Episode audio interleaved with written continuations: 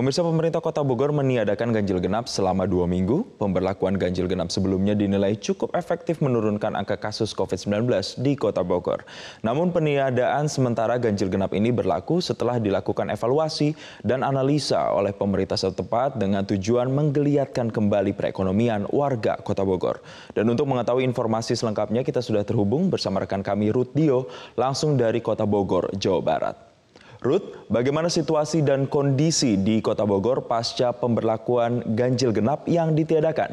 Jason dan juga pemirsa, selama empat pekan kemarin atau sejak awal Februari, ganjil genap memang sudah berlaku di wilayah Kota Bogor dan berlaku juga bagi kendaraan bermotor, baik itu kendaraan roda dua atau roda empat di lalu lintas Kota Bogor, tepatnya di sekitar lokasi Tugu Kujang ini memang sudah terlihat adanya kendaraan-kendaraan eh, di luar tanggal genap yang diperbolehkan untuk masuk ke wilayah Kota Bogor didominasi oleh uh, kendaraan plat nomor B atau dari Jakarta. Seperti diketahui juga bahwa ganjil genap di Kota Bogor ini ditiadakan setelah berjalan selama empat pekan sejak bulan lalu.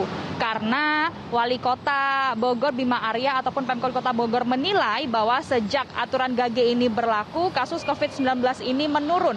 Dan juga mobilitas kendaraan yang keluar dan masuk ke Kota Bogor juga ikut turun.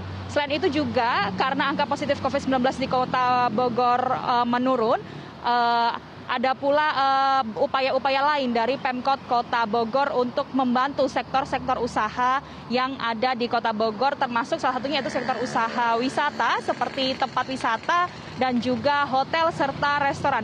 Hal ini adalah sebagai bentuk relaksasi dari Pemkot Bogor untuk sektor usaha untuk memulihkan kembali perekonomian daripada warga Kota Bogor. Selain itu, peniadaan GG ini juga nantinya akan dievaluasi lagi selama kurun waktu dua minggu untuk melihat bagaimana laju, laju angka COVID-19 dan mobilitas masyarakat.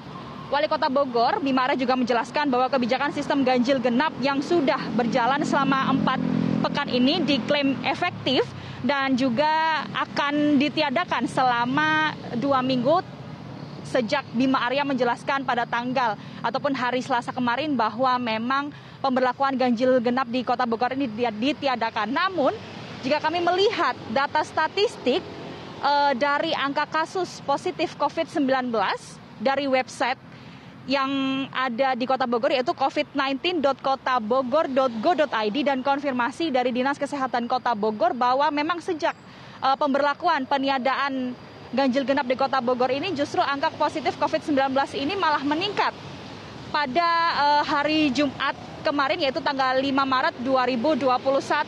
Hal ini jika dilihat dari statistik dari Pemkot Kota Bogor adalah ada sebanyak 134 yang terkonfirmasi virus positif COVID-19 dan jika diakumulasikan data total di Kota Bogor sendiri sudah ada sebanyak 12.463 orang yang terkonfirmasi positif COVID-19 sejak uh, virus eh, COVID-19 ini masuk ke wilayah kota Bogor, Jawa Barat. Dan juga mengingat bahwa memang Bogor masih menjadi salah satu wilayah di 27 kota dan kabupaten di Jawa Barat yang masih memiliki status zona merah. Jason. Ya Ruth, lalu bagaimana situasi sektor wisata di kota Bogor? Jason, meskipun memang pemberlakuan ganjil genap ini memang ditiadakan oleh Pemkot Kota Bogor, hal ini disambut baik oleh sektor wisata, khususnya tempat wisata dan juga termasuk hotel dan juga restoran. Hal ini adalah karena memang menurut uh, pihak daripada pengelola hotel ataupun restoran dan juga tempat wisata bahwa semenjak pemberlakuan ganjil genap selama empat pekan kemarin memang angka wisatawan ini cukup menurun ditambah lagi dengan adanya pemberlakuan PPKM Mikro di wilayah Jawa dan juga Bali. Peniadaan ganjil genap ini juga disambut baik oleh Perhimpunan Hotel dan Restoran Indonesia Kota Bogor bahwa memang ketika ganjil genap ini ditiadakan, hal ini adalah berpotensi untuk memulihkan kembali laju perekonomian uh, sektor usaha baik itu wisata, hotel dan juga restoran di Kota Bogor itu sendiri. Bandara Soekarno-Hatta memperketat pemeriksaan kedatangan dan keberangkatan penumpang. Hal ini dilakukan usai ditemukannya varian baru virus corona B117 di Indonesia. Selengkapnya, Lis Pratiwa akan melaporkan langsung dari Bandara Internasional Soekarno-Hatta, Tangerang, Banten. Lis Pratiwi, bagaimana regulasi pemeriksaan di Bandara Suta usai ditemukannya mutasi virus corona dan apa saja yang perlu diperhatikan oleh penumpang yang akan tiba di Bandara Suta? Ekan pihak Bandara Internasional Soekarno-Hatta menyatakan memperketat proses pemeriksaan penumpang yang tiba di kedatangan internasional dan domestik Bandara Internasional Soekarno-Hatta. Hal ini dilakukan usai ditemukannya varian baru virus corona B117 dari dua orang warga asal Karawang yang tiba di Indonesia usai melakukan perjalanan internasional. Namun pemeriksaan yang dilakukan ini masih sesuai dengan surat edaran Satgas Penanganan COVID-19 nomor 8 tahun 2020 tentang protokol kesehatan perjalanan internasional dalam masa pandemi COVID-19. Ada sejumlah hal yang dilakukan dalam pemeriksaan tersebut, yakni seluruh penumpang yang akan tiba di Indonesia harus menyertakan surat keterangan bebas COVID-19 dari hasil PCR yang dilakukan maksimal 3 kali 24 jam sebelum jam keberangkatan.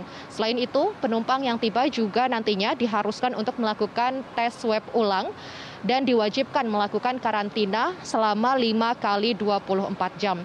Ada sejumlah hal yang perlu diperhatikan yakni bagi warga negara Indonesia atau para pekerja migran akan dilakukan isolasi di Wisma Pademangan Jakarta Utara dengan biaya yang ditanggung oleh pemerintah. Sementara itu bagi warga negara asing atau diplomat yang akan melakukan isolasi mandiri dapat melakukan dengan biaya pribadi di sejumlah uh, tempat di lokasi ini juga bagi warga negara Indonesia juga dapat memilih apakah akan melakukan eh, karantina secara mandiri dari tempat yang sudah disediakan oleh pemerintah dan juga ada 20 hotel yang sudah ditunjuk oleh pemerintah Indonesia yang dapat digunakan sebagai tempat isolasi mandiri. Penumpang yang tiba di Bandara Soekarno-Hatta pun dapat memilih langsung hotel atau tempat untuk melakukan isolasi tersebut yang nantinya pihak hotel juga menyediakan fasilitas eh, berupa swab PCR yang dilakukan selama dua kali, yakni pada hari uh, kedatangan dan juga sebelum hari kepulangan. Dan apabila hasilnya negatif, maka penumpang yang tiba dan usai melakukan isolasi tersebut dapat kembali ke masyarakat atau pulang ke daerahnya masing-masing. Hingga saat ini memang Eh, dari pagi tadi kami pantau ada sejumlah penerbangan yang sudah tiba di Bandara Soekarno-Hatta, tepatnya di Terminal 3 kedatangan internasional. Namun baru beberapa penumpang yang sudah berhasil keluar karena ada begitu banyak regulasi dan juga eh, proses pemeriksaan yang masih berlangsung di area dalam bandara.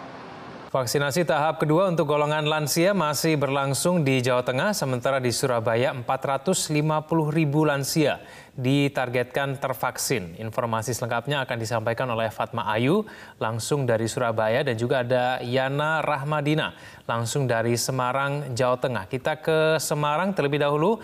Eh, Yana, bagaimana pelaksanaan vaksin untuk lansia di sana? Ya, Igan, untuk pelaksanaan vaksinasi tahap kedua golongan lansia di Jawa Tengah memang sudah dimulai sejak awal pekan ini dan pelaksanaannya juga memang berlangsung di beberapa lokasi seperti puskesmas juga ada di panti pelayanan sosial. Untuk vaksinasi golongan lansia ini sendiri memang e, setel, dilakukan setelah prioritas lainnya pada tahap ini yakni tahap kedua ini diprioritaskan untuk petugas pelayan publik, jurnalis, pedagang pasar, kemudian lansia. Dan untuk di pelayanan panti pelayanan sosial lansia seperti salah satunya yang digelar adalah di Kendal yakni di Panti Pelayanan Sosial Lansia Cepiring. Ini untuk target pemberian vaksinnya sendiri ditargetkan 80 orang per harinya dan untuk pelaksanaannya sendiri juga sempat dipantau langsung oleh Bupati Diko Ganinduto dan memang untuk pelaksanaannya juga berlangsung e, lancar begitu tidak ada kendala. Selain itu untuk e, sebelum melakukan proses vaksinasi sendiri lansia juga di screening untuk beberapa tes kesehatan seperti misalnya cek tekanan darah, kolesterol, dan juga beberapa kondisi kesehatan lainnya seperti yang terlihat di Salatiga di mana puluhan lansia ini juga mengikuti proses screening untuk nantinya dapat mengikuti vaksinasi di Kelurahan Ledok ini terlihat memang antusiasmenya juga cukup tinggi. Untuk proses vaksinasi lansia sendiri ini memang e, biasanya digelar pada setiap hari Sabtu di puskesmas maupun juga fasilitas kesehatan lainnya di beberapa lokasi. Namun memang e, tingginya antusias ini sendiri juga membuat vaksinasi dilakukan secara fleksibel begitu, Egan. Ya, Yana, lalu antusiasme lansia di Jawa Tengah sendiri seperti apa? Ya, Igan, seperti yang saya nyatakan sebelumnya bahwa memang untuk antusiasme lansia mengikuti vaksinasi golongan lansia ini cukup tinggi untuk di Jawa Tengah. Hal ini juga terlihat pada capaian e, untuk vaksinasi seperti salah satunya adalah di Kota Semarang hingga saat ini sudah mencapai 7.171 lansia yang telah divaksin. Meski demikian untuk target sasaran sendiri adalah total berjumlah 191.331 memang untuk kesadaran dari lansia mengikuti vaksin sudah cukup baik di mana lansia juga menyadari bahwa mereka ini adalah golongan prioritas yang sebaiknya mendapatkan vaksin. Dan memang untuk eh, antusiasme tinggi ini juga terlihat eh, salah satunya adalah di Kota Semarang yang dinyatakan oleh salah satu peserta vaksin lansia. Dan berikut pernyataan selengkapnya kalau lansia itu sangat diperlukan karena lansia itu paling rawan ditempeli penyakit. Hmm. Lansia itu kan badannya rapuh, imunnya sudah berkurang. Itu itu Pak Jokowi cocok sekali memberikan lansia diutamakan yang lebih dulu daripada yang muda-muda. Kan kemungkinannya hidup itu malah lansia itu yang yang rawan untuk penyakit. Nah kalau yang muda-muda kan lebih ada imun, lebih kebal. Tingginya antusiasme lansia untuk mengikuti vaksin sendiri juga sempat menimbulkan antrian panjang, bahkan juga beberapa lansia datang ke lokasi-lokasi vaksin tidak pada sesuai jadwal ah, karena biasanya memang digelar pada setiap hari Sabtu. Namun bila ada yang datang selain hari Sabtu, vaksin tetap digelar apabila memang kuota masih tersedia sehingga vaksinasi untuk golongan lansia ini memang digelar secara fleksibel begitu, Egan. Baik, dari Semarang kita ke Surabaya. Fatma Ayu, bagaimana proses vaksinasi tahap 2 untuk lansia di Jawa Timur, termasuk Surabaya? Baik, Egan, memang saat ini proses vaksinasi tahap kedua untuk lansia masih berlangsung. Ini uh, saat ini saya sudah berada di salah satu puskesmas yang ada di kota Surabaya. Memang untuk puskesmas ini hari ini ada 110 uh, lansia yang tervaksin dibandingkan dengan kemarin memang ada sedikit penurunan yakni kemarin ada 200 namun hari ini 110 tergantung dari uh, vaksin ketersediaan vaksin yang, yang, yang disediakan oleh pihak Pemkot Kota Surabaya. Walaupun demikian uh, vaksin vaksinasi berlangsung tertib dimulai pada pukul 7 waktu Indonesia Barat hingga saat ini juga masih berlangsung walaupun sudah banyak lansia yang pulang karena sudah selesai dan hanya uh, di belakang saya hanya uh, proses observasi saja yang dilakukan oleh para lansia. Sementara itu untuk antusiasme lansia yang ada di kota Surabaya ini cukup baik dan cukup banyak begitu ini dibuktikan dengan uh, puskesmas sendiri mendapati sedari subuh ada beberapa lansia atau puluhan lansia yang datang ke puskesmas untuk mengantri divaksin karena memang untuk RT maupun RW eh, setempat belum ada komunikasi yang baik sehingga ada miskomunikasi bahwa eh, vaksinasi yang ada di puskesmas yang ada di kota Surabaya ini memang sudah terjadwal untuk kelurahan mana di daerah mana dan lain sebagainya. Oleh karena itu dihimbau eh, puskesmas kepada RT RW tersebut untuk melakukan komunikasi yang baik agar lansia ini tidak datang datang ke puskesmas uh, jika tidak ada jadwal yang sudah ditentukan oleh pihak uh, puskesmas itu sendiri. Sementara itu untuk lansia di kota Surabaya ditargetkan ada 450 ribu lansia yang tervaksin nantinya. Sementara itu di kota Surabaya sendiri mendapatkan 12.480 file vaksin Sinovac dan setiap uh, file ini bisa uh, menjangkau 10 orang dan selain uh, vaksinasi untuk lansia, memang saat ini Pemkot Surabaya juga tengah melakukan vaksinasi untuk pihak uh, pelayanan publik seperti TNI, Polri yang sudah selesai, lalu juga OPD, ASN maupun jurnalis yang saat ini masih berlangsung di kota Surabaya. Egan. Ya Fatma, kondisi penyebaran COVID-19 sendiri di Surabaya seperti apa? Ya, selain vaksinasi, memang tracing yang dilakukan oleh Pemkot masih masif. Ini memang uh, selain tracing juga uh, pihak puskesmas saat ini saya berkunjung, pihak uh, puskesmas sendiri juga masih men-tracing adanya suspek maupun kontak erat uh, di mana apabila ada uh, orang yang terinfeksi COVID-19.